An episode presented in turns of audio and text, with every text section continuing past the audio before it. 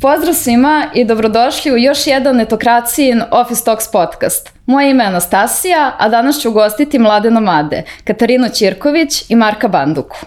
Dobro mi došli ljudi. Bolje vas našli. Kako ste mi evo nakon uh, dužeg vremena na putu, ovde ste usidreni, jel vas drži mesto? Pa, pa malo smo se pripitomili, da tako kažem. Marka manje drži mesto, mene više. Nekako kao vratila sam se u taj gradski život gde sad rešavam neke stvari grad, mislim iz gradskog života. A Marka više onako pundravci u dupeta. Da, jeste, da jeste. Ide, ja da. teže, no, teško me drži mesto. A, vozili smo sad skoro nešto kombijem i ono, uf, odradilo me, jedva čekam, bro, da ti kažem. Da, Jeste, da, da, iskoristili da, smo jedan lep dan i radili smo iz kombija, ono, ovde u Beogradu pomerili se na lepu livodu i kao samo ptičice i ono sunce i mi sedimo u kombiju, ponovo radimo, ono, samo se vraćaju te lepe uspomene, te lepe osjećaje, ono, koji, koji smo zapravo pet meseci radili konstantno. Da. Znači, kada ste ovde, uglavnom gledate da imate te neke getaway-eve van ovaj, pa, e, vikendi te stvari. Da, mi smo pre puta zapravo stalno, svaki vikend mislim da smo išli negde i to je mm -hmm. ono bilo kao petak popodne, pakujem se jednom rukom, drugom završavam posao, kao ono nešto pakujemo od hrane i krećemo i idemo gde god. Ove, međutim, kako smo se vratili sa puta, s obzirom da je to bila d, projekat koji je trajao dve godine kao priprema i svega toga, sad kad smo se vratili morali smo da vratimo neke stvari na mesto jer smo mi bukvalno ostavili sve za sobom mm -hmm. i otišli na pet meseci i mislim dugo smo se pripremali za to, tako da smo sad kad smo se vratili morali smo malo da se vratimo u kolosek sa nekim stvarima. O tome ćemo malo kasnije, o projektima i o putovanjima, ali ajde za početak kapiram da vas svi to pitaju i da vam je malo više i dosadilo da se predstavite, ali eto i za našu publiku. Ko su Kaća i Marko? Koji je vaš neki profesionalni background? Odakle nam dolazite? Izvoli. Pa, uh, ja sam po obrazovanju novinar uh, sa Fakulteta političkih nauka, ali od sredine, od početka recimo fakulteta sam ja to shvatio, neću baš biti neki novinar u, u regularnom smislu, pa sam više otišao marketing, evente, accounting, mm. tako da marketing da kažemo, ajde u nekom uopštem smiru, ali pored toga i što nešto privatnih poslova, sportsko udruženja, ugostiteljstvo i tako dalje, znači šarena, šarena, šarena pozadina, a Kaća je fotograf. Ja sam fotograf, da, ja sam završila fakultet primjenjenih umetnosti, mm -hmm fotografiju baš, međutim tu se studira i grafički dizajn, fotografija, tako da sam ja izašla kao neki multimedijalni lik sa tog fakulteta i tako sam i nastavila svoju profesiju u multimedijalnom smislu, tako se bavim i grafičkim dizajnom i fotografijom i montažom i animacijom i tako svašta nešto. I eto, mi smo, mislim, ja, ja sam od početka radila kao remote i onda kako smo nas počeli da se zabavljamo, on je počeo da traži poslove koji su kao remote i onda smo nekako prilagodili taj naš profesionalni život i taj ne, tu neku našu ljubav prema prirodi i životu na putu i to spojili u jedno. Aha, znači Imali ste neke poslove, pretpostavljam, pre nego što je došlo do ovog projekta, da, da. jel tako? I ovaj, kada se desio taj moment kad ste shvatili da taj remote način života može da se prebaci na točkove, da možete sve što radite od kuće da prenesete i u prirodu i kada ste odlučili da pokrenete celu ovu priču? Pa, moment da smo uh, shvatili da možemo radimo iz prirode, da li to bilo iz neke kuće na planini ili mm -hmm. sa točkova, se desio kad je krenula korona. Mislim, zato što tad su manje više svi morali da, da rade od kuće.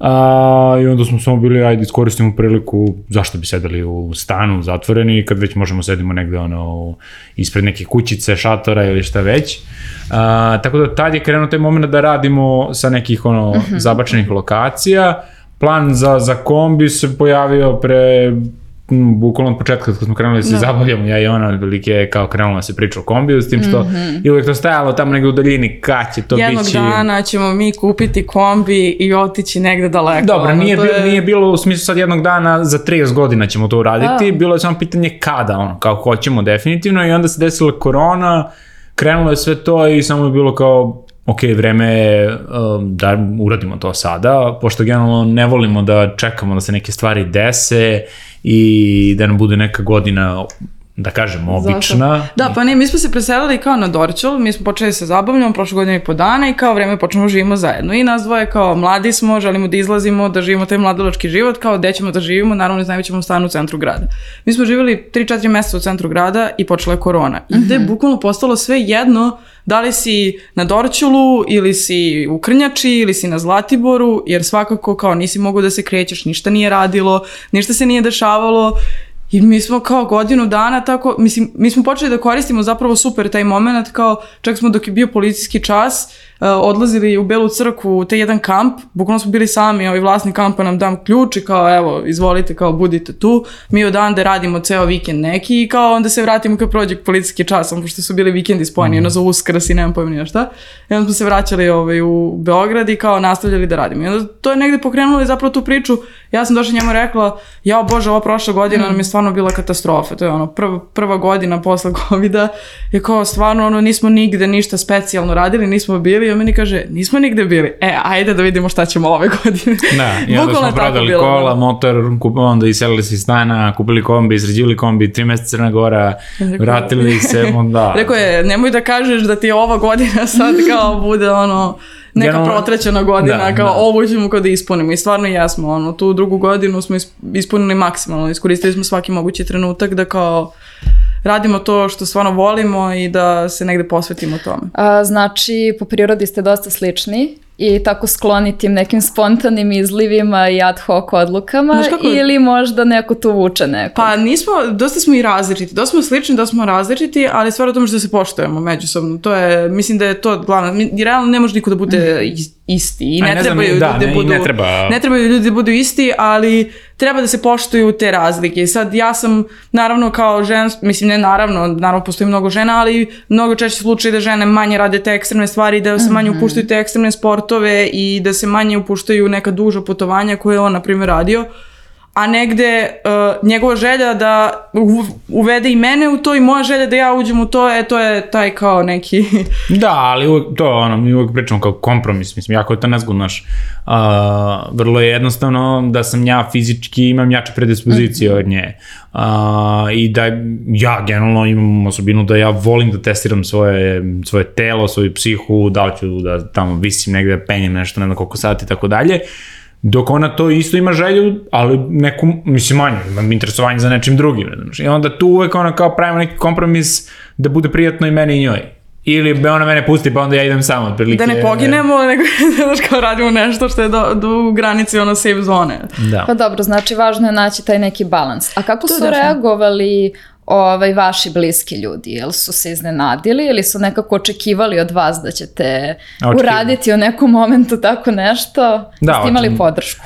Da, mislim, podrška je jako bitna, definitivno, i bez podrške ne znam da li bi, da možda bi trajalo duže vremenski, možda ne bi uopšte uradili to što smo hteli, a podršku smo imali veliku, a prijatelji su očekivali nekako, mislim, znali su i pre nego što smo ja i ona krenuli da zabavljamo u kom smo fazonu, šta radimo i nekako je to došlo skroz normalno. Čak mislim da je više bilo, prijatelji su to kao, naravno, kao, ok, vi ćete to, to odraditi, roditelji su bili malo ono kao, ok, podržavaju, kao, ali kao, ha, ne znam da li se šalimo ili smo ozbiljni, pa onda ono, svaki korak sve dalje dalje, kao, čekaj, vi ćete stvarno to, stvarno to, i na kraju mi to uradimo i ono kao, to, super, kao, ne, stvari, šta je sledeće? Da, stvari u tome što mislim da su se roditelji više, znaš, kao, stvari se te neki normalni strah i da su oni iz tog svog normalnog straha, ono, pokušavali da kao malo ne veruju to da će se to desiti, njime, mislim, ono, nikad nas nisu putavali i apsolutno su nas podržavali u svakom kao segmentu, ali imali su taj tračak kao možda se neće desiti jer je stvarno njima to predstavljalo ipak kao dugo putovanje, pet meseci, mi sad odlazimo negde daleko u neku drugu civilizaciju bukvalno. Ovaj, i mislim da je to bio problem, ali mislim da stvarno kao na kraju mi smo presrećni što imamo takvu podršku i porodice i prijatelja, u svakom smislu smo imali ono i fizičke i mentalne podrške svakodnevno. A, dobro.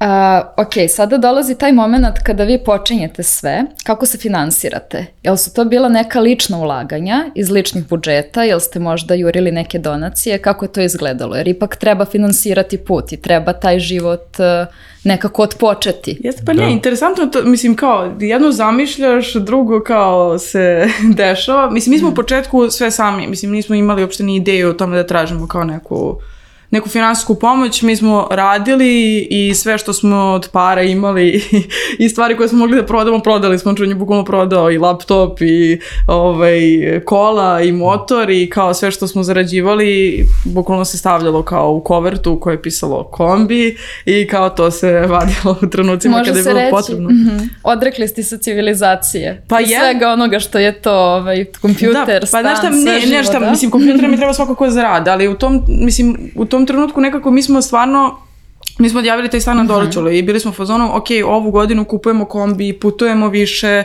posvećujemo se onome što želimo i mi smo prvo otišli mesec dana uh, na Divčibare da živimo sa drugarima i da radimo dande, pa smo se vratili, pa smo kupili kombi, pa smo otišli uh, na plac kod njegovi paki i deki, kao mhm. živali na placu i onda smo mi stvarno, jesmo kao žrtvovali sve što smo Pa da, žrtvovali smo ne, nešto što, ono, mnogi ne bi, ostali bi, što bi ja to radio, mogu da ostanem u stanu, radim regularan posao, idem na piće s drugarima posle posla i tako dalje, dok mi to, neke stvari smo morali da preskočimo, ali to je nešto ono što smo bili spremni da uložimo, uh, u smislu da uh, mladi nomadi od starta su bili kao, mi to radimo zato što to volimo, e, nismo očekivali sada da napravimo posao od toga, niti je za sada, niti je pitanje da li mi želimo kao da nam to bude striktno posao, što imamo stvari, druge stvari po, pored svega toga koje volimo da radimo, tako da u startu je bilo samo financiranje, ali nismo ni razmišljali kao u startu kao sad mi tražimo neku podršku, Uh, nije bilo vremena možda za to, ne znam. Onda kad je došao ovaj put veliki, onda je bilo kao, ok, mi ćemo ovaj put uraditi, I mi smo pričali da mi ćemo ovaj put uraditi bez obzira da li našli sponzore neki ili ne. Mislim, to radimo zato što to, to ćemo pamtiti celog života, to ćemo pričati ono, unucima ili šta god. Uh, tako da Kao koliko para imamo, da. toliko ćemo da Snaći da trošimo. Se, znači, da, u tom da, smislu, da. mi smo negde kroz mnoge godine pre toga gde smo išli na kampovanja, putovanja, shvatili da putovanje ne mora da znači mnogo novca. I stvari je tebe, stvari je kako se ti odnosiš prema tome i koliko ti možeš da, zašto za, zapravo žrtvuješ. Mm -hmm. Znači, da li ideš na putovanje gde ćeš da jedeš biftek ili ćeš da ideš na putovanje gde nosiš paštetu sa sobom i kao dovoljno ti je. Znači, to su stvarno d, subjektivne stvari mm -hmm. i svakome putovanje različito i košta baš iz tog razloga, jer neko prosto ne može neko ne želi da izađe te zone komfora, želi da jede fino, da se kupa na plaži na kojoj se plaćaju ležaljke, ne znam ja šta, gde nas dvoje ništa od toga ne želimo, nama je bitno samo da se nađemo na određenoj lokaciji. I negde to sa sponsorima, mi smo kao krenuli Znači imali smo dobru, mislim, imali smo mm -hmm. dobru ideju, da tako kažem, kao i neku dobru priču I uh, pred sam put smo krenuli kao, ok, aj sad tražimo sponzore. Znači to je bio moment kada ste presekli da treba da, znači tražili ste sponzore ili ste čekali da vas neko prepozna, jel? Pa tražili smo, da. Znači pa imali smo, imali smo, da, imali smo gotovu, znači imali smo prezentaciju, mm -hmm, imamo projekat mm -hmm. koji radimo, kao i neki svaki drugi posao, imamo projekat i evo mi šaljemo vam projekat da vi vidite da li vi želite da uh, učestvujete u tome i da, da li mi možemo zajedno da se uklopimo u celu tu Da se razumemo, nismo mi, uh, nismo mi u tom trenutku imali neku uh, publiku veliku, pa sad možemo da kažemo kao je okačit ćemo mi sad na društvene mreže, pa će neko da se javi nama. Dobro. Uh, u suštini ne znam, meni je to okej, okay, imaš projekat koji hoćeš da uradiš, pokucaš na vrata, kažeš ja imam taj taj projekat, izvolite, ako vam je interesantno, možda se pronađemo i tako je bilo. Suštine. Znači, tako je došlo do tih prvih saradnja. Tako, to se... tako, Jeste, tako, da. tako. Mislim, mi, znaš šta, interesantno je to kao uh mhm. -huh. neke saradnje koje su se otvorile, mi smo shvatili da ne želimo da budemo u njima, neke koje nismo ni znali da postoje, otvorile se. E to, po kom principu me uh, birate saradnje?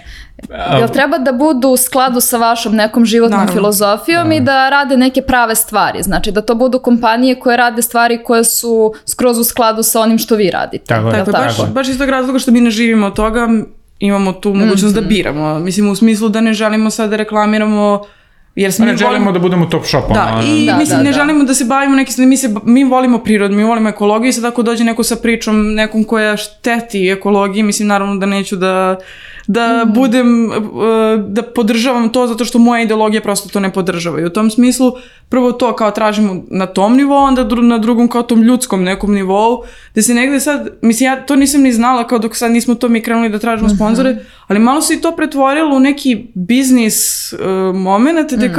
Sad neko se tebi javlja, ti radiš nešto i sad on zahteva tebe da ti radiš nešto što on hoće. Znači, ne može tako da, da funkcioniše. Da, često se kritikuju influenceri što reklamiraju od igle do lokomotive pa da. ne birajući da, da, ali da, ovako da, da kao, jeste kao teško sad da ti, mm -hmm. mislim, evo sad u našem slučaju mi smo radili jednu kompleksnu stvar. Mi smo svakodnevno prelazili velike kilometraže, posjećivali različite lokacije i nama svaki, svako reklamiranje nečega u tom smislu kao bio teret. Znači, mislim, to je još jedna obaveza od sto obaveza koje mi u toku dana imamo i Uh, mi smo imali sreće da smo negde kao se sklopili sa tim nekim ljudima koji su bili strava prema nama i kao super e, sponzori i oni su nas pustili. Mm -hmm. Rekli su, evo, vi radite svoju priču i radite kako je radite i kao mi ćemo biti deo sa vama, ono.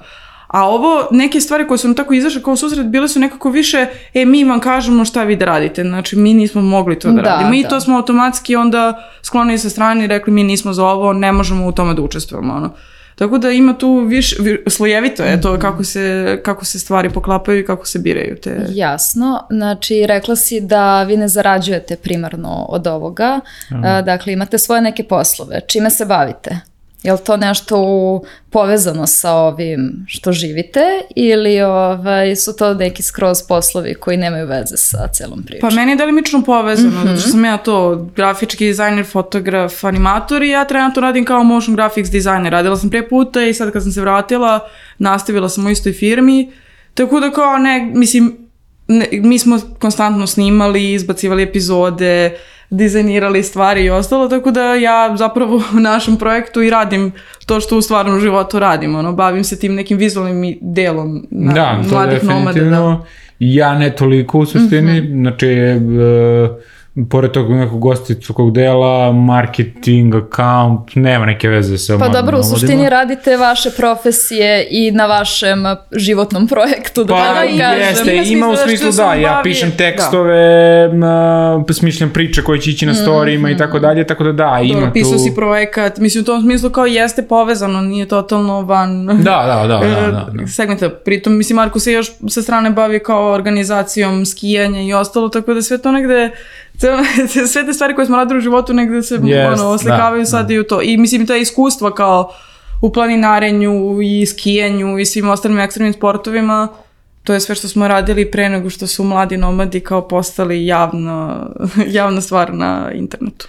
A, kad smo kod imena, mladi nomadi, kako ste došli na ideju? Mislim, pretpostavljam, jako jednostavno zvuči, ali pretpostavljam da je pre, uh, prethodio neki brainstorming oko Strašno, toga. Znači, to je bilo najgore. to je bukvalno, da, mi smo godinu dana, mi smo imali, znači, nazvali smo se zabavljali, stalno smo putovali i išli na neke super lokacije. I mi smo našim prijateljima pričali, oni su bili u fazonu, wow, ovo postoji na Balkanu. I mi kao, pa dobro, možda bismo mogli to malo da kažemo i svetu, kao, da kako to...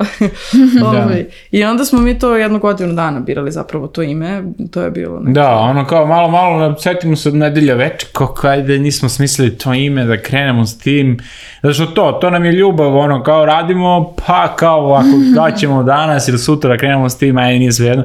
I to je trajalo i trajalo i onda... Ti si zapravo smislio to ime, mislim mi smo ono kao, nas je nerviralo prvo to kao nomadi, nam je bilo kao, ja, znaš, ono, previše nam je to nešto svi ga koriste. Baš, mm -hmm. mislim, dosta je popularno. Digitalni da. nomadi. I onda smo, yes, yes. i onda on došao sa tim mladim nomadi I to mi je zvučalo kao, ok, pa dobro, to je, mislim, rimuje se, to je pod jedan, ono, simpatično je, smiješno je nekako, ali apsolutno ima veze i kao e, na, cilj naše, naše Instagram stranice će biti to. Znači, nas dvoje se jesmo pustili te nomadske vode, stvarno jesmo, mhm. znači mi smo to tri godine već smo se sljakali sto puta, putovali i ostalo, ali ovaj, to mladi, zato što smo zapravo želeli mladim ljudima da približimo negde prirodu, planinarenje, sve te priče, jer smo mnogo puta išli na planinarenje i najčešće kada se nađemo u planinarskom domu negde, svaka čast, ali najčešće su ljudi 50 plus godina. I to, to je pričamo To je pričamo na Balkanu, da, znači yes. ne pričamo o Evropi, ne računamo, da. izvini Sloveniju. Da, Sloveniju, da, ali pričamo, da, ali pričamo ono Srbija, Crna Gora, mm. Bosna, znači to je stvarno to su planinarska društva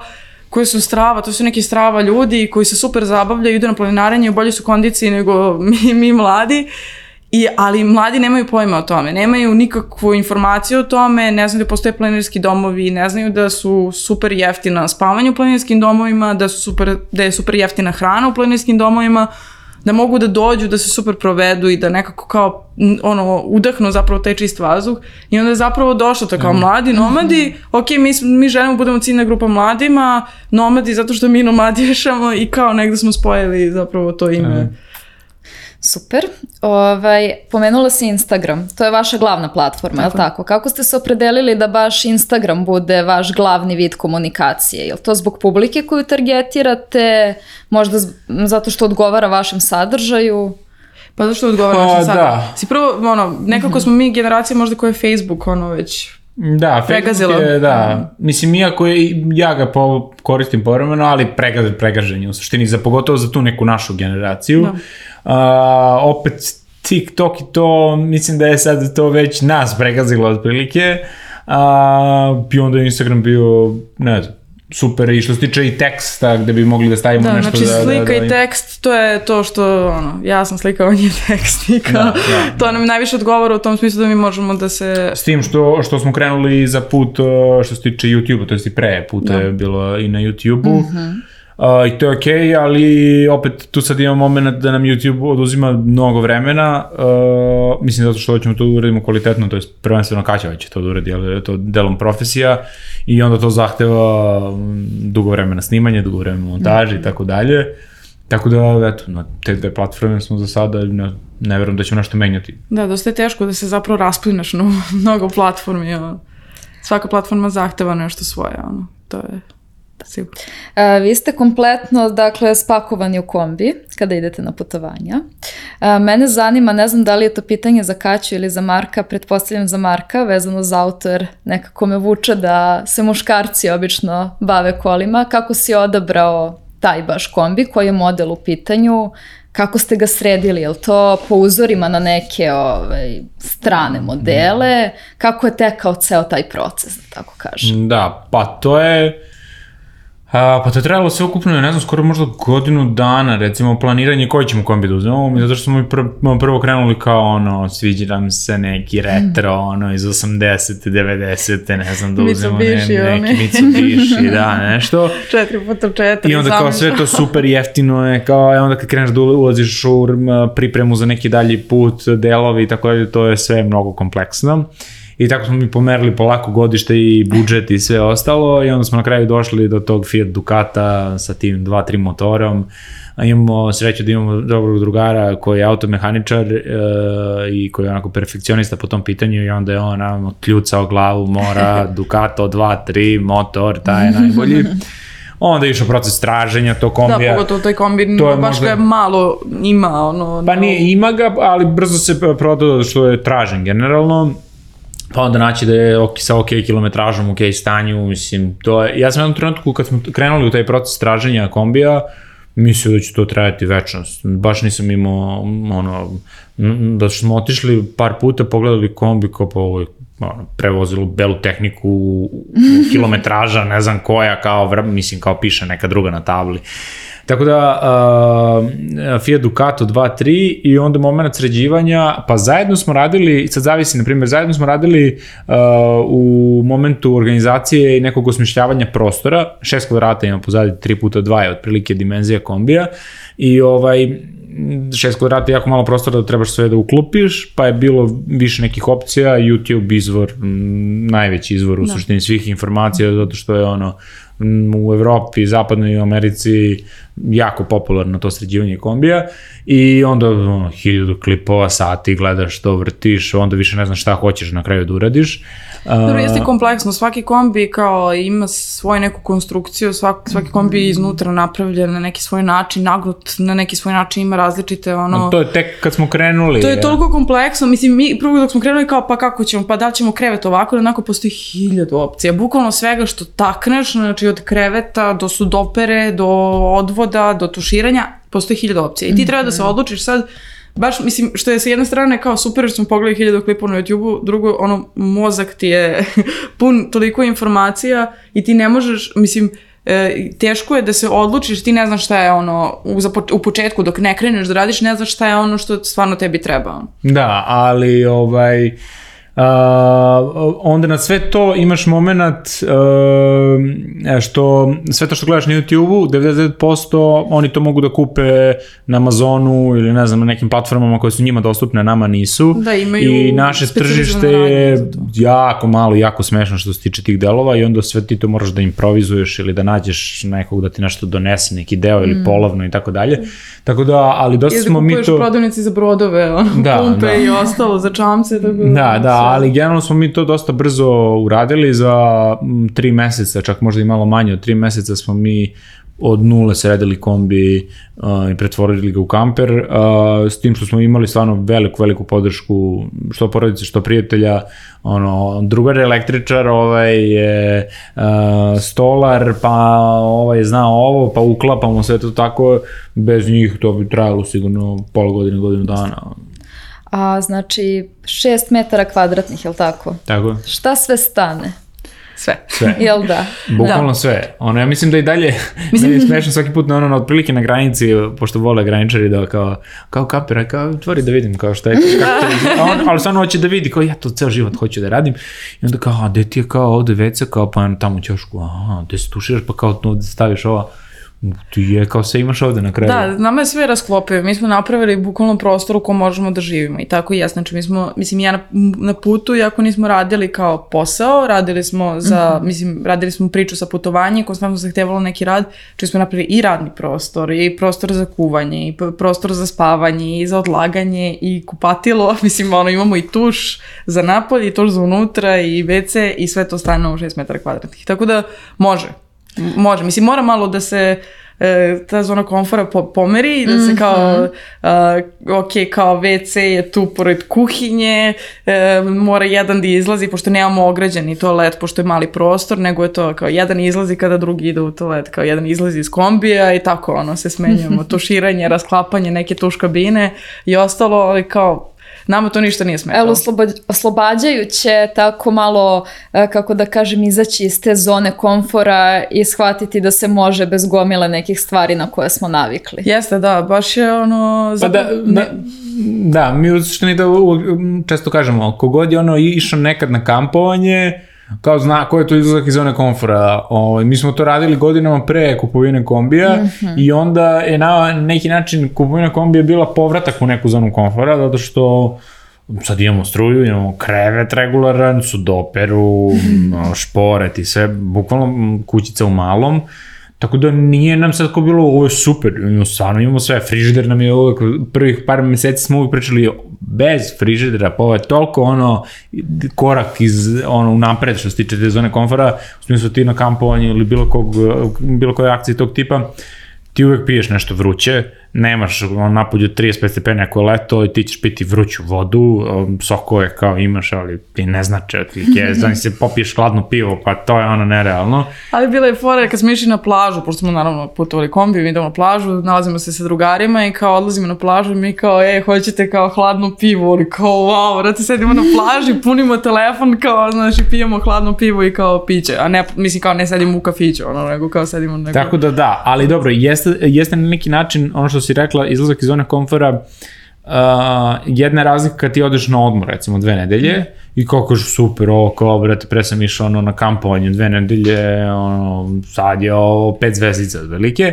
a jedna je stvar kad odeš da živiš pet meseci ili koliko da. god da, u kombiju, to je onda jeste izlazak iz zone komfora. U nekom trenutku ti ono kao možda zafale neka privatnost ili ne znam. Da, i mislim tipa tuširanje. Mi nismo, mi smo tek na putu oformili neku tuš kabinar, smo mi krenuli na putovanje bez kao osmišljenog tuš, tuš kabine mm -hmm. unutar samo kombija, već kao samo napolje. Sećam se, tek smo krenuli malte, ono, tek i druga nedelja, mi smo u Italiji na Dolomitima, naravno planine, hladno je, ujutru je, mi treba da idemo ne, neko pešačenje, nismo se tuširali sedam dana, A nije sad sedam, ajde. Dobro, nije sedam, da ne kažu da, nije sedam. Da, ne budu ljudi kao I ovaj, kao, ono, došao je krajnji trenutak, moramo kao da se istuširamo i kao, a, treba da idemo na planinarenje dalje, ali kao mi moramo da krenemo u neko dogledno vreme, 8 ujutro sunce još uvijek nije izašlo.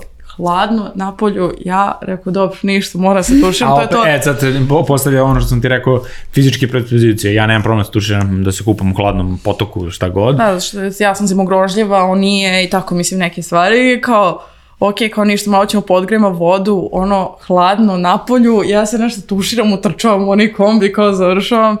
I posle mesec, dva dana, to mi više nije predstavljao problem. Da. Tuširanje hladnom vodom na hladnom, stvarno mi je bilo kao, ok, to sam počela da radim i kao to radim. Mislim, duš kad se vratila u Beograd, morala sam se vratim uz ono kombora, tuširanje vrućom vodom, ali ono, shvatila sam da mogu i to je stvarno jeste, kao meni to toliki problem bio pre nego što smo krenuli da. na put, ono, baš jedan od kao možda stvari koje sam shvatila da ok, moje telo je sposobno, jer kao stvarno sam užasno zimogrožljiva. A, pre nego što se vratimo na te neke tehničke stvari i na sama putovanja, moram da vas pitam za vašeg trećeg člana, Huga, je li on od početka sa vama? Kako se, ovaj, jel stvarno, su oni stvarno toliko pametni? Border Collie, je li tako? Jeste, da. Tako je, da. Pa jeste, on je uh, sad je od dve i po godine. Isto kad je krenula korona. da, kad je krenula, ja sam krenula pa, kad je da krenula kukam. ta godina, da. u suštini. Ja sam krenula da kukam. Ona je krenula da kuka i onda je bilo kao, ok, aj sad ćemo menjamo malo stvari iz korena. Ja sam bila, ja sam oduvijek žela da imam psa mm -hmm. i mhm. kao negde moji roditelji su meni rekli uh, taj pas će ostati nama. I ja se apsolutno mhm. slažem, znači kogod kao tinejdžer da traži psa, ja mislim da 90% slučajeva ostaje roditeljima taj pas. Moji roditelji nisu želeli da imaju psa. Mislim, mm -hmm živjeli smo u stanu, ono, nisu želeli tu obavezu. I onda sam ja počela da živim sama i naravno, mislim, videla sam da ja nemam trenutak u životu da ja mogu kao da uzmem psa, to je nekako opet obaveza, stvarno ideš mm -hmm. na mhm. posao, vratiš se, mislim, štete je da tu kuća bude u stanu i krenula korona i mi smo konstantno bili kući, ja sam bila u fazonu, e, kuca, kuca, i on kao, ma da je, kao kad, nije kao, ali kao, veruj mi, kao, imamo sad sigurno još godinu dana ćemo biti kod kuće, to je baš period kada to kuća odrasta i treba da mu se posvetimo i moramo da ga izdresiramo i kada ga budemo izdresirali bit će sve lakše, ono, jer zapravo jeste i prvi godinu dana negde kao najteži period i taj period koji se zapravo urezuje u to, to, to kuće u smislu njegovog ponašanja i kako mi možemo posle toga da živimo zajedno, ono, da negde pronađemo zajednički jezik. Da, i onda je ko uzeli smo Huga, znači eto, pre dve i po godine, Uh, uzeli smo ga iz razloga da, ono, ovčar je... Pa, da, izabrali smo ga da. da, s namerom da će da pređe tu neku kilometražu, popnete neke vrhove i tako dalje, zato što ide ono, 20 kila pas, nije preveliki, nije premali, ima dovoljno snage i kondicije da može da nas I isprati na svim akcijama koje smo planirali. I on su klopi u ekipu, šta, pa njemu je sad kombi... Sada je maskota. Da, sad je maskota glavna, nalazi se na kombiju, jeli, a ono, kombi mu je u suštini možda i prva kuća, otprilike, kada Jeste, vidi, da. odmah trči da uđe u kombi i ga, da je to spreman za put. Tako da bilo, baš je, mislim... A, da, izvini, pitala si, da, da li je pametan? Jeste, ono, mislim, javno svi, svi, svi psi mogu da nauče te mm, neke mm, osnovne da. komande, a, on ih možda samo uči brže, uh, da ne kažemo uz jedan obrok će da nauči sad neku komandu, a, ali zahteva kao i svi psi vreme i konstantnost, ono da ako nešto nauči, on zna to, on je naučio, ali može da te kulira ili da neće to da uradi ono, sledeći put, eto, zato što mu se može, a dok ne uspostaviš taj autoritet da on svaki put to radi, da, da, da, da to radiš narednih godine, Da, da, jako su, šta je stvar sa border kolima, jako su energični psi mm -hmm. i u tom mhm. smislu ti moraš stvarno se baviš njima, znači moraš da im posvećaš pažnju, moraš da nekako, mislim, on je naš, nas bukvalno psihički testirao mnogo puta, ono, ja sam bar puta bila u pozonu da pričam s tatom i kažem, čoveč, ja se rvam s ovim psom, bukvalno, znači ja ne, ne znam, ne, ono, ti moraš stvarno da, jer ne vredi tu, nema tu nikako, znači ti moraš nekako s njim da nađeš neki zajednički jezik da bude njemu i tebi ok, jer on je energičan i on stvarno Znači ima neku želju, prosto ima neki instinkt prema nečemu i on to hoće da uradi. Ja I ti postavi... to moraš da ga, da ga držiš, ono, da ga... Ja se postavi kao vođa puta nekad. Jel, ovaj, pored pa toga ne. što on je, jel uzme, onda bude glavni. Pazi, mi pa, kad u... planinarimo uvek je prvi. On, e, pa to, to sam mislila, puta, to sam mislila. On je popeo da, svaki da. vrh tri puta, da. otprilike, dok smo mi popeli jednom, zato što je on Uh, mislim to, odlazak u prirodu sa, sa psom je mnogo lep, ako je on izrestiran, mm -hmm. ako on ima tu neku poslušnost, da ga ti pustiš da je on tamo negde na nekom vrhu tri puta ispred tebe. Ovaj, Mnogo su da... fizički oni sposobniji nego što mi mislimo. Kao, mislim, mi, da. nama je prvi pas i kao nismo znali šta možemo da očekujemo. Ok, uzeli smo ovčara koji je generalno kao fizičku predispoziciju ima, ali u nekim trenucima je bilo baš onako, uh, imali smo momente da je bilo ono dosta uh, opasno za kretanje po nekim delovima planina, o, znači on je prošao to bukvalno ovako, gde smo mi ono, se spuštali četvoronoške, on je samo prošao. I sad, s jedne strane, baš zbog toga smo morali da ga dresiramo. Znači, znali smo da možemo da upadnemo u Mhm. situacije koje su malo škatljive i u tom smislu da mora da zna kad će da stane, da krene kada mu kažemo i da ide u tom pravcu gde smo mu mi rekli, da ne sme da ide levo ili desno. Tako da u tom smislu ono, Hugo je e, odrastao u dosta dobrog psa i stvarno smo prošli svašta. A rođen je pod srećnom zvezdom. Da, tako i mislim da svi žele da pomalo budu Hugo, ono. svi mi pomalo želimo. A, kad smo kod tih nekih škakljivih situacija i nekih izazovnih trenutaka, a, negde sam pročitala da ste imali blizak susret sa bikom. Jel tako? Jel bilo još takve? Hoćete to da mi prvo ispričate i možda još neke tako zanimljive situacije iz života u prirodi? Je Da. Da li je bilo takvih je situacija bilo? još? Na kajaku, kad smo... e, ta sam- A, a bilo je u stvari e, bilo više više, puta. da, te krave e, da Su uzmemo- nezgodne. Da, nezgodne, velike su to životinje. ovaj.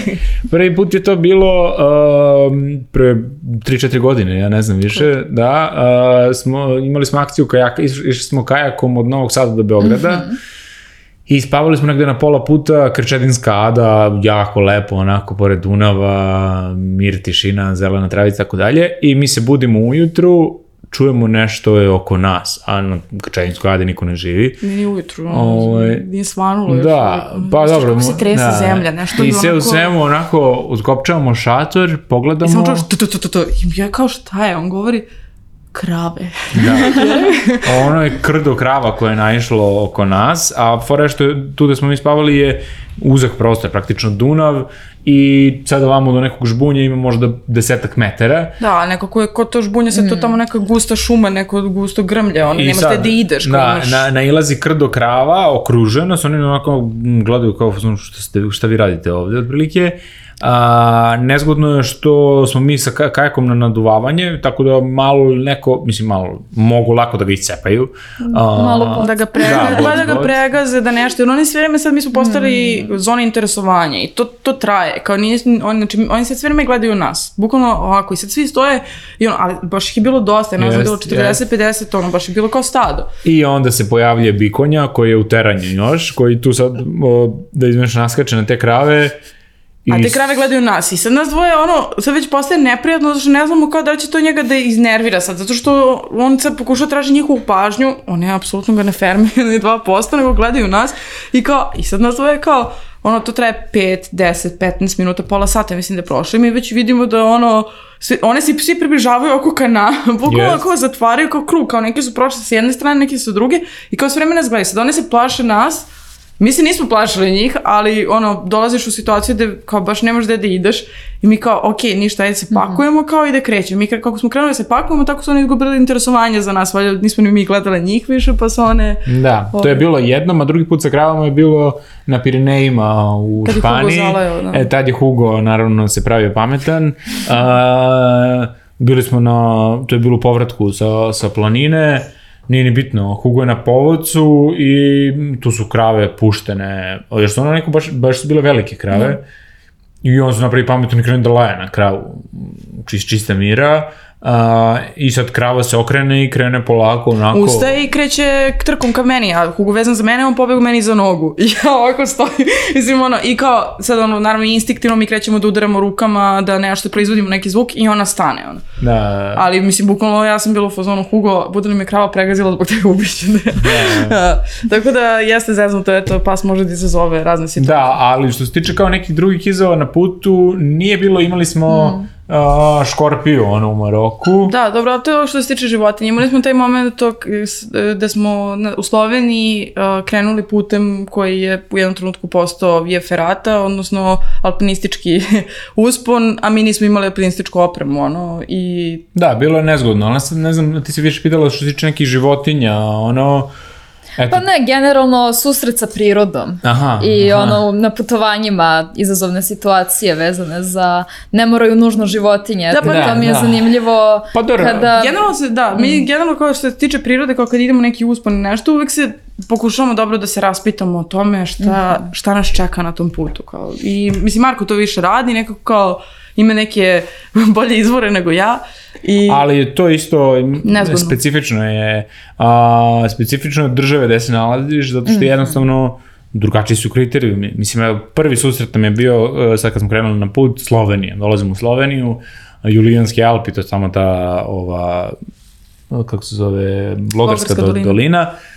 I sad pitamo Slovence, uspao na taj taj vrh, kakav je ovo što smo kao, ne, okej, okay, jel ima snega? Nema snega, jel trebaju dereze, cepi? Ne, treba, ne, možete sve, kao, kao okej, okay, krenemo mi taj uspon, ulazimo u taj kuloar, takozvano između ta dva vrha, sneg u njemu, uh, staza postaje ta via ferrata, to je delom alpinistički smer, mi ništa nismo poneli. Znači, pitali smo čoveka koji radi u plinarskom domu, on je rekao, ne treba, E sad, on ima e, taj stepen i prag e, toliko je dugo u planini da to njemu nije strašno, da on to može bez papučama od da penje, nama je trebala ta oprema, popeli smo mi to polako, onako, nije bilo prijatno, ne, ne mogu da kažem. Jeste, trajalo je, nekako je bilo, ono, samo smo se plašili da ne krene to neki sipar i ako, zapravo, plaši se samo da ne krene neka, neki veći komad kamena ka tebi, jer nemaš baš te da bežiš, ono, jer si u nekom, ono, Da, tako da ja, ja bih rekao da je to boravak u prirodi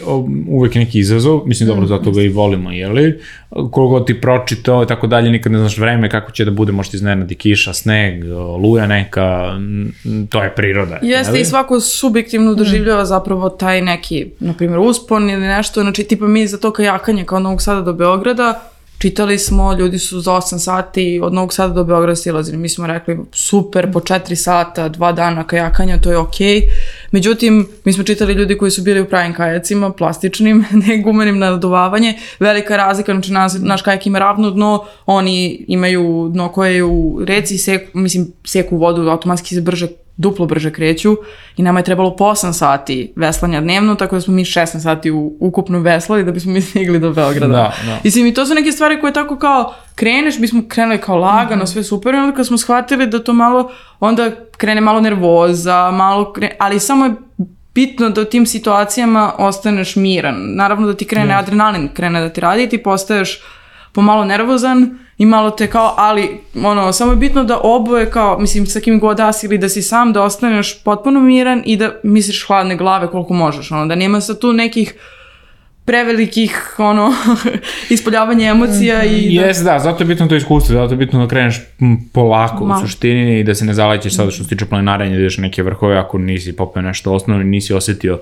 neke izove na svojoj koži, zato što sam ja imao na startu, mislim ono u nekim prvim godinama planinarenja, neke situacije, to zaglavljivanje u pola noći pred neki vrh, pa hoćemo se rastavljamo, nećemo se rastavljamo. I onda dosta naučiš iz toga, znaš, onda kad dođe neka sledeća situacija, ono, znaš da smiriš, spustiš loptu, spustiš puls, sedneš ako treba, staneš, neće ništa da te sad, bolje da staneš, razmisliš dobro šta je sledeći korak nego da trčiš i napraviš no. Da. neku grešku koja... Znači planinarenje, kajak, jel postoji još nešto što volite da radite na putovanjima od tih uh, sportskih aktivnosti Uf. ili im se ne zna broj? Pa ne, da, ne, vole mladi. da, ne, da. ne zna se broj, o, zato je... Pretpostavljam i to zavisi od mesta u kome se nalazite Tako. i šta... Tako je, za, mislim zato je kombi, ono, mm. pre nego što smo imali kombi, bilo uvek nezgodno spakovati svoju opremu za potencijalne sportove koje mm -hmm. mogu da se otvore na putovanju, kombi je onda dao mogućnost da možemo potrpamo mnogo stvari. Ali to je problem, što sad tipa na putovanje smo nosili gomil, mislim neke stvari koje na kraju nismo uspeli da iskoristimo. Tipa kajak smo uspeli dva puta kajakamo, prosto nismo imali vremena, sam kajak na dovavanje, mislim treba da, da se suši, nije ni bitno, ali kao prosto nismo imali situacije da smo mogli kao mi da se zaustavimo i budemo... Ali dobro, specifično te put od pet meseci ne možeš da, da. planiraš, znaš, tipa uh, ja, ja mnogo volim freediving, uh, to je ronjenje na dah. Sve vreme smo bili na moru. Da, sve vreme smo bili na moru, ja sam poneo i odelo i peraje, harpun i tako dalje. I na kraju se svelo da sam ja ronio jednom ili dva puta, zato što jednostavno tako je bila obala, uh, Atlantik je bio poprilično, mislim ja nisam znao gde su neke lokacije koje bi bile zanimljive za, za ronjenje i na kraju se svelo da sam ja ronio jednom u Španiji, tako da ali opet da nisam poneo tu opremu i da se to desilo, ja bih kuko posle. Što ne bi bilo ni to jedno. Da, tako, da, zato da. taj kombi a, služi. A šta uvek imate sa sobom? Mislim, kapiram da je to isto zavisi od situacije do situacije, ali šta stoji u nekom vašem, kako da kažem, must have stvari koje nosite pa sa sobom? Pa imamo jednu kuticu, prvo imamo, dve kutije. imamo dve kutije. Jedna je sa, su, sa konzerviranom hranom u slučaju da smak sveta je i kao da možemo da ono, imamo nudle i kao karnik s pasolje i, i tunjevinu, a druga je kutija sa Pa lampama, e, mislim, znači Aha, onim ti misliš lampama. te kutije, Da. dobro, da, čevne lampe, neka užarija, uh, noževi neki i tako dalje, a, ali... I prva pomoć je uvek, znači Mhm. to uvek imamo nešto, znači ono, osnovni neki lek, e, zavoje, hanzaplaste i to smo naučili ne samo zbog nas, nego i zbog Huga, jer smo imali dva, tri puta situaciju da se Hugo povredio nešto na putu, pokidao nokat i poseko i nešto tog tipa, pojeo nešto i u tom smislu koja imamo taj kao first kit i za nas i za psa, ono, stalno da nešto, da, Da, ne da ali, Bože. ali ima i to u kombiju, znači uvek nam je u suštini neka kamperska oprema, to za planinarenje, zato što je to nekako možda najlakši, sigurno ćemo negde završiti na planinarenju, u, u suštini. E sad, pitanje je da ćemo završiti na penjanju, znaš. E sad, onda je to u zavisnosti od puta, da li nosimo užariju za penjanje ili, ili ćemo nosimo kajak ili ronjenje i tako dalje, tako da uvek je otprilike planinarska oprema, to šator, vreće podloge i tako dalje. Uh, I onda u suštini zavisi od godišnjeg doba. Znači da li je zima, da li ćemo nositi skije ili dereze, cepin i tako dalje, ili je leto pa ćemo ronilačku opremu i tako dalje, tako da. Mešovito. Dobro. E, Što se tiče zemalja u kojima ste bili do sada, e, koliko ste obišli, ste neke svoje liste želja koje imate, da li ovaj, to nije verovatno ni delić onoga Da, što pa ne, Marko planirate. svakako, Marko svakako više obišao nego ja. Ja sam Pa dobro, Evropu, gledam vas dvoje. Da, da, Evropu i Afriku, a Marko je bio i u Aziji. Meni je ostala ta Azija kao Da, da, nije, pa ne. san i sle, mislim ono, Južna Amerika to uvijek Da, govorimo. da, da, mnogo je, mnogo je tu kad kreneš, mislim, kao većina ljudi koji ono voli putovanje, prilike to kad kreneš, kad shvatiš šta sve ima, mislim da nažalost niko neće uspjeti to da odradi ovaj, što, što ima ne, neku zacrtano. Ili bar mi, ne, ne, ne znam šta treba da se desi, da, da obiđemo sve što bi hteli. Južna Amerika jeste definitivno jedna od ono, kontinenta ko- koja nam je i meni i njoj nekako zajednička, a da nismo bili. A, ja I bi da se smo vraćao. sve najlepše su čuli. Da, ja bi se definitivno vraćao, sam bio u Indiji, u Nepalu i ona ima isto želju da ide tamo, tako da vratit ćemo se verovatno nekad tamo. A, Severna Amerika je nevjerovatna, to je taj, ja sam bio samo u, u Sjedinim američkim državama i priroda je nevjerovatna, tako da ne, mnogo je je tu. život, Da, kratak da, je život za sve to što želimo. Ono. Da, da. A kako odlučite na koje ćete putovanje ići? Je li to neka spontana odluka, samo se probudite jedan dan i neko je došao na ideju i onda planirate? Ili su to planovi koji traju više meseci, neki duži vremenski period? Pa ne, na- Zavisi kako kad. Nešto, nešto imamo kao planu, nešto nas inspirisalo, Mhm. vidjeli smo da neko bio, neko nam što ispričao i kao nekad je ono, dugo plani, mislim planiramo, nebitno da li je daleko ili blizu ta lokacija, kao nekad prosto se ne potrefi da možemo da odemo, ono, Da, ali dosta puta nam se dešava da planiramo Dan za dana za sutra, otprilike, u smislu da Um, pa evo, pre, kao, pre neki dan kao neko zove, evo ćete možda, ne znam, u Crnu Goru, tamo, vamo, mi kao, okej, možda, onda ja sutra već kao, pa možda bi mogli sklopimo to i to i to i dodamo, onda nas zove još neki drugi kao, e, ali mogli bi i ovamo? I samo se sklapa priča otprilike, tako da to nekako sve dolazi spontano. Da, mi smo i na samom putu tako, ono, mislim, mi generalno tako funkcionišemo spontano, ono, e, kad donesemo odluku, brzo je e, izvedemo, mislim, šta god, to je moja da. mama baš rekla kao jednom, kao, vas dvoje sve što ste rekli, kao sve ste uradili, stvarno jeste, kao nekako pokušavamo da realizujemo bukvalno sve što izgovorimo, da ne bude samo reč, nego već da bude kao, To je to, ja mislim, generalno, ni ja ni, ni, ja ni Kaća ne volimo, pričamo, ja pogotovo imam taj neki, ne znam kako da ga nazovem, ovaj, ne volim da pričam o nečemu ako nisam siguran da ću ga uraditi. Znači ja, e, i to je što se tiče aj putovanja i posla i tako dalje, suštini kao radim na tome i kad to postane ono official otprilike ili znam da ću ga odraditi, to je to, onda pričamo svima, kao idemo na put od pet meseci, to je to, neće, znači ok, izbio rat u Ukrajini i hiljadu stvari se dešava, nezgodnih, kad, ako ne sad, ajde to da odradimo, pa ćemo posle ono, sređivati što treba da se sredi. A, prošle godine ste bili šest meseci na putu, je li tako? I videla sam da ste svugde negde stigli. Ukratko, kako je izgledala ta vaša putanja? Kako je, šta ste sve obišli u prošloj godini?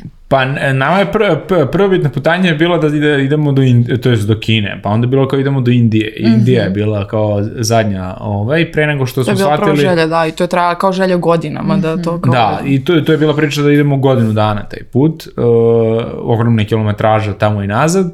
Međutim, uh, korona u tom trenutku prošle godine još nije popustila u svim zemljama, u smislu da informacije su jako ono, otvorena granica, zatvorena granica, možda uđeš u zemlju, ne možda uđeš i shvatili smo da to postoji mnogo opcija da ćemo mi zaglaviti u nekoj zemlji. Nezgodno je kad si sa kamperom, kolima ili kako god, zato što ti kad imaš avionsku to. kartu, problem je, odeš na avion i vratiš se nazad, a mi kombi baš da ostavimo tamo malo i vrednost tog kombija i žao nam je da ga ostavimo da, tamo. Da, i stvari koje jer ti nosiš sve što je tebi bitno sa sobom, mm -hmm. onda bi ostavio bukvalno sve to, tako je, sve, tako. Svoj, svoj život bi ostavio u tome. I onda smo rešili kao, ok, ajde za ovu godinu da to bude uh, Maroko, to je odlazak do, do Maroka kroz celu Evropu, znali smo da možemo da prođemo sve te zemlje.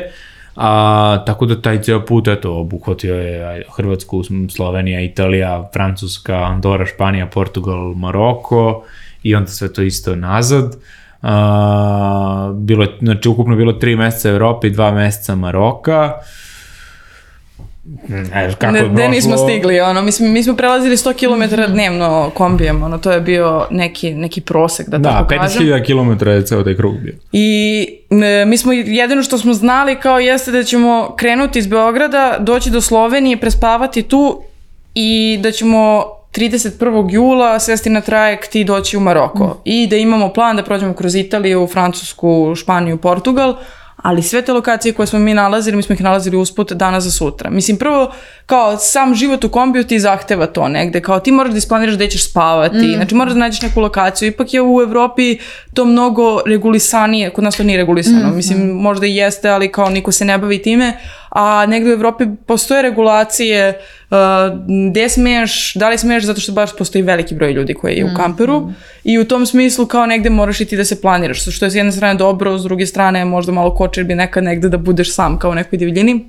Ovaj, I onda smo planirali bukvalno danas za sutra sve te lokacije i mislim da to je i najbolje, zapravo mi ne, ne bismo ni mogli unapred da isplaniramo sve te strava lokacije, jer smo nekad sretali neke ljude, pričali sa njima i oni nam rekli, e, tu vam je nešto kao baš dobro, kao idite do tamo, nije vam daleko, ono, ako vam je usput, neko ko je došao u susret, ono, nam.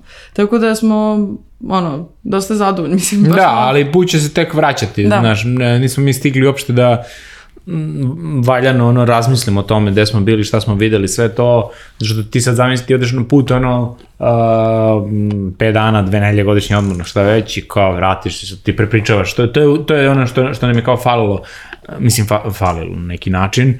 Ti odeš na put, vratiš se, vidiš se sa prijateljima, porodicom i kao kako bilo, ti sad pričaš šta si ti sve videla, šta si radila za dve nedelje. A mi smo odešli pet meseci, pet meseci svaki dan se dešava nešto neverovatno, uh, ali mi nemamo kome to da ispričamo. Mislim, mi pričamo međusobno, ali videli smo ja i ona to isto, nešto sad pripričamo kako je lik uhvatio goluba dok je poletao, ne, pa nije bitno. Ispričali smo ljudima na Instagramu, to je ok, neki vid komunikacije mm -hmm. sa ljudima, ali opet fali ti da podeliš sa tim nekim bliskim prijateljima. Zato što na taj način malo i ti procesuiraš zapravo to što si doživao, zato što ovako, znaš, kao dok nije, živ, dok nije reči, dok ti nisi uspeo da izgovoriš to i negde sklopio rečanicu u svojoj mm. Nekako kao samo prođeš kroz to. I mi smo se i vratili sa puta i svi su znali šta se dešavalo. I niko nas nije da. pitalo kako vam je bilo, zato što su A i opet nezgodno je gde ti da kreneš, šta da, da pričaš u pet meseci puta kako je bilo, nekad ne možeš zapamtiš sve to. A bukvalno su ljudi bili u fazonu, a videli smo, kao, kao okej, okay. mislim, postoji sigurno hiljadu stvari koje mi nismo Te, nikome ni ispričali, ono, zato što kao nije se snimilo telefonom, pa nekako kao nismo uspeli da prenesemo preko Instagrama, posle smo zaboravili da ispričamo nekome uživo. Da, tek će to da se klub koja ja mislim da se odvija otprilike i da nam se vraćaju, barem meni krenulo možda u zadnje vreme da se vraćaju neke slike u glavi, ali neverovatno je kad ti to, eto, vozim ono sad kombi nešto po Beogradu I samo razmislim kao i gde smo mi terali ovaj kombi ono po Maroku, gore po Atlas planinama, ono neka ne dođe, nema ono 100 km oko nas, nigde nikoga. nema trveta. Ono, krš, razumeš, mi teramo i slušamo muziku i smemo se. Tako da, tek će to da se vrati, yes. prilike. Uh, mislim, i ideja je neka da mi to da li kroz neku knjigu, um, fotografije, film, da, da obeležimo, stavimo tačku na, na, ovaj, na tu akciju, na tu ekspediciju. To je bilo super čekamo. Mi isto. A zimu ste proveli u Crnoj Gori, to sam ispratila i to vam je već druga zima, je li tako? Ili ste, čest, uh, vraćate se Crnoj Gori? Ovu zimu je Marko proveo u Crnoj Gori, ja sam ostala da, u Beogradu da rešavam. to je onaj moment ovaj, koji smo pričali na početku tih uh, nekih fizičkih limita, mm -hmm. jeli? Dobro, i fizičkih, ali bilo je kao ja sam imala neke obaveze. Dobro, i... da, ali da, postoji tem, ok, obaveze, jed, a drugo je to što ja, na primjer, ja volim generalno zimu, volim minus, volim da mi mrznu prsti i da mi bude hladno. Ovaj, a Crnu Goru mnogo volimo. Jedno, da, to stvarno je Smatramo drago. da može da bude ono Slovenija, otprilike e, druga, po veličini onom što nudi i tako dalje. Uh, proveli smo, da, mi smo, prvo smo proveli bili tri, tri meseca pre dve godine leti i ono, prošli smo uzduž i popreko, otprilike znamo je bolje nego 80-90% crnogoraca. A sad ove zime smo bili, da, ja sam bio sa, sa drugarom, uh, išli smo s tim turno skijama, planinarili, ono, više sportova u tih... Lepo, i prošle zime smo to isto bili yes, oko nove godine, yes. bili smo nekih 7-8 dana, prvo na planinu, pa smo se spustili na obalu, ono, na 15 stepeni divnih ove, pa se sunce. vratili na sneg. Da, pa se vratili na sneg mm. ponovo na Koponik. Tako da nekako, da, nekako, shvatili smo da nam je Crna Gora dovoljno blizu, a da može, mislim, nije samo Crna Gora, to je i Bosna, mislim, Jeste, jes, mi da. smo nekako kao Crnu Goru smo obiš, obilazili tri mjeseca, pa sad znamo bukvalno gde želimo da idemo i zašto želimo da idemo, zato što je Crnoj Gori ta priroda netaknuta i stvarno, mm -hmm. a te planine, znači mogu da idu par par sa Dolomitima, Pirinejima i svim ostalim velikim nacionalnim parkovima koji su u Evropi i koji su u Evropi postali nacionalni parkovi neka uređena sredina, a ovde je totalna divljina i kao stvarno je netaknuto, znači ima e, mali broj ljudi koji tu dolazi u katune, drži stoku, e, živi nekih par meseci tu i svi je, je poštuju, vole yes, i drže yeah. i pojavljuju se samo stranci i kao... To je, to je, to je ono što treba ljudi naši, mislim to je što jedno kao ideja kad smo krenuli sa mladim nomadima je da pokažemo ljudima da imaju nešto jako dragoceno u njihovoj blizini i da treba to da iskoriste. Mislim, ja od toga kažem, uh, ja sam igrao, znači bio sam na Himalajima i u Americi na Rocky Mountainu i ajde po, evo, po Evropi što smo bili i uh, skoro je jako teško naći uh, takvu divljinu kako postoji ovde na Balkanu. Um, prvenstveno mislim na Crnu Goru i Bosnu i Hercegovinu, u smislu da, da tolika, da, dobro, Albanija, ajde, ne znam, nismo još bili, pa ćemo, to ćemo tek videti, ali u smislu takva divljina da ti to uveč negde kampuješ na nekom bregu i da oko tebe nema nigde nijedno svetlo, to ne može više nigde da se nađe i ta divljina da to ti dođeš i ti istinski nema nikog tamo. Ono, osjetiš tu prirodu, zato što malo je drugačije kad ti odeš na Dolomite, koji su nevjerovatno, toliko puta si gledao na, na ekranu svog kompjutera i šta god, I onda tamo još gomila ljudi, ono, neki lepo je da vidiš ti to bajs, kao neki, tu, tu kulturu koju su oni, oni izgradili da, da borave u prirodi, ali opet bi voleo da ti taj neki pogled da sediš sam na tom Da, mi smo se razmazili malo ovde na Balkanu, ono, sami smo na brdu mm. i kao, iako ima ljudi, to su neki ti lokalni ljudi koji imaju domaće jaja, domaće meso, domaću kajmak i onda kao, ono, bukvalno najčistije od toga sve uzimamo. Tako da kad odeš kao to, dolmite, onda kao ljudi kao voze bajs, e, ne znam, ono, planinare, svako ima neku fizičku aktivnost u prirodi, jeste lepo, ali kao... Mislim da bismo mogli hiljadu i jednu temu da izvučemo, baš ovaj, svakako ima prostora za još koji razgovor, čini mi se u budućnosti, ali evo, za kraj da vas pitam, da li planirate neko veliko putovanje sad ove godine, Da li biste otkrili nešto sa nama ili je to ono što si ti rekao da se o planovima ne priča dok se ne realizuju? Pa, da, evo, ne znam... Uh... Pa dobro, ove godine nema, mislim, nemamo velike plane. Mm -hmm. U mhm. smislu, o, veliki plan je da nastavimo istražavamo Balkan i u, mislim, ima hiljadu lokacija koje želimo da po, posetimo i ne možemo da postignemo, tako da to, to je, to... Izvini, to je jedna od stvari, da, ne treba, uh, mislim, to je sad kao, ne treba biti previše ala u neku ruku, zato što stvarno imamo ovde mnogo toga što treba da vidimo i što, što nam nudi svašta nešto od te prirode koje mi volimo. Tako da, da, ove godine, ovo leto, Balkan i ono istraživanje Balkana uduži popreko. Uh, e, sad za sledeću godinu uh, imamo plan, uh, mislim priča je sledeća da pređemo da promenimo kuću, ovaj, da ne bude na točkovima, nego, na, nego da bude na vodi, a to je da kupimo jedrilicu, Uh, ideja u suštini kupimo jedrilicu u Švedskoj verovatno, pošto su gore nešto dva, tri puta jeftinije jedrilice nego u Mediteranu i onda da se vozimo oko cele Evrope do Crne Gore.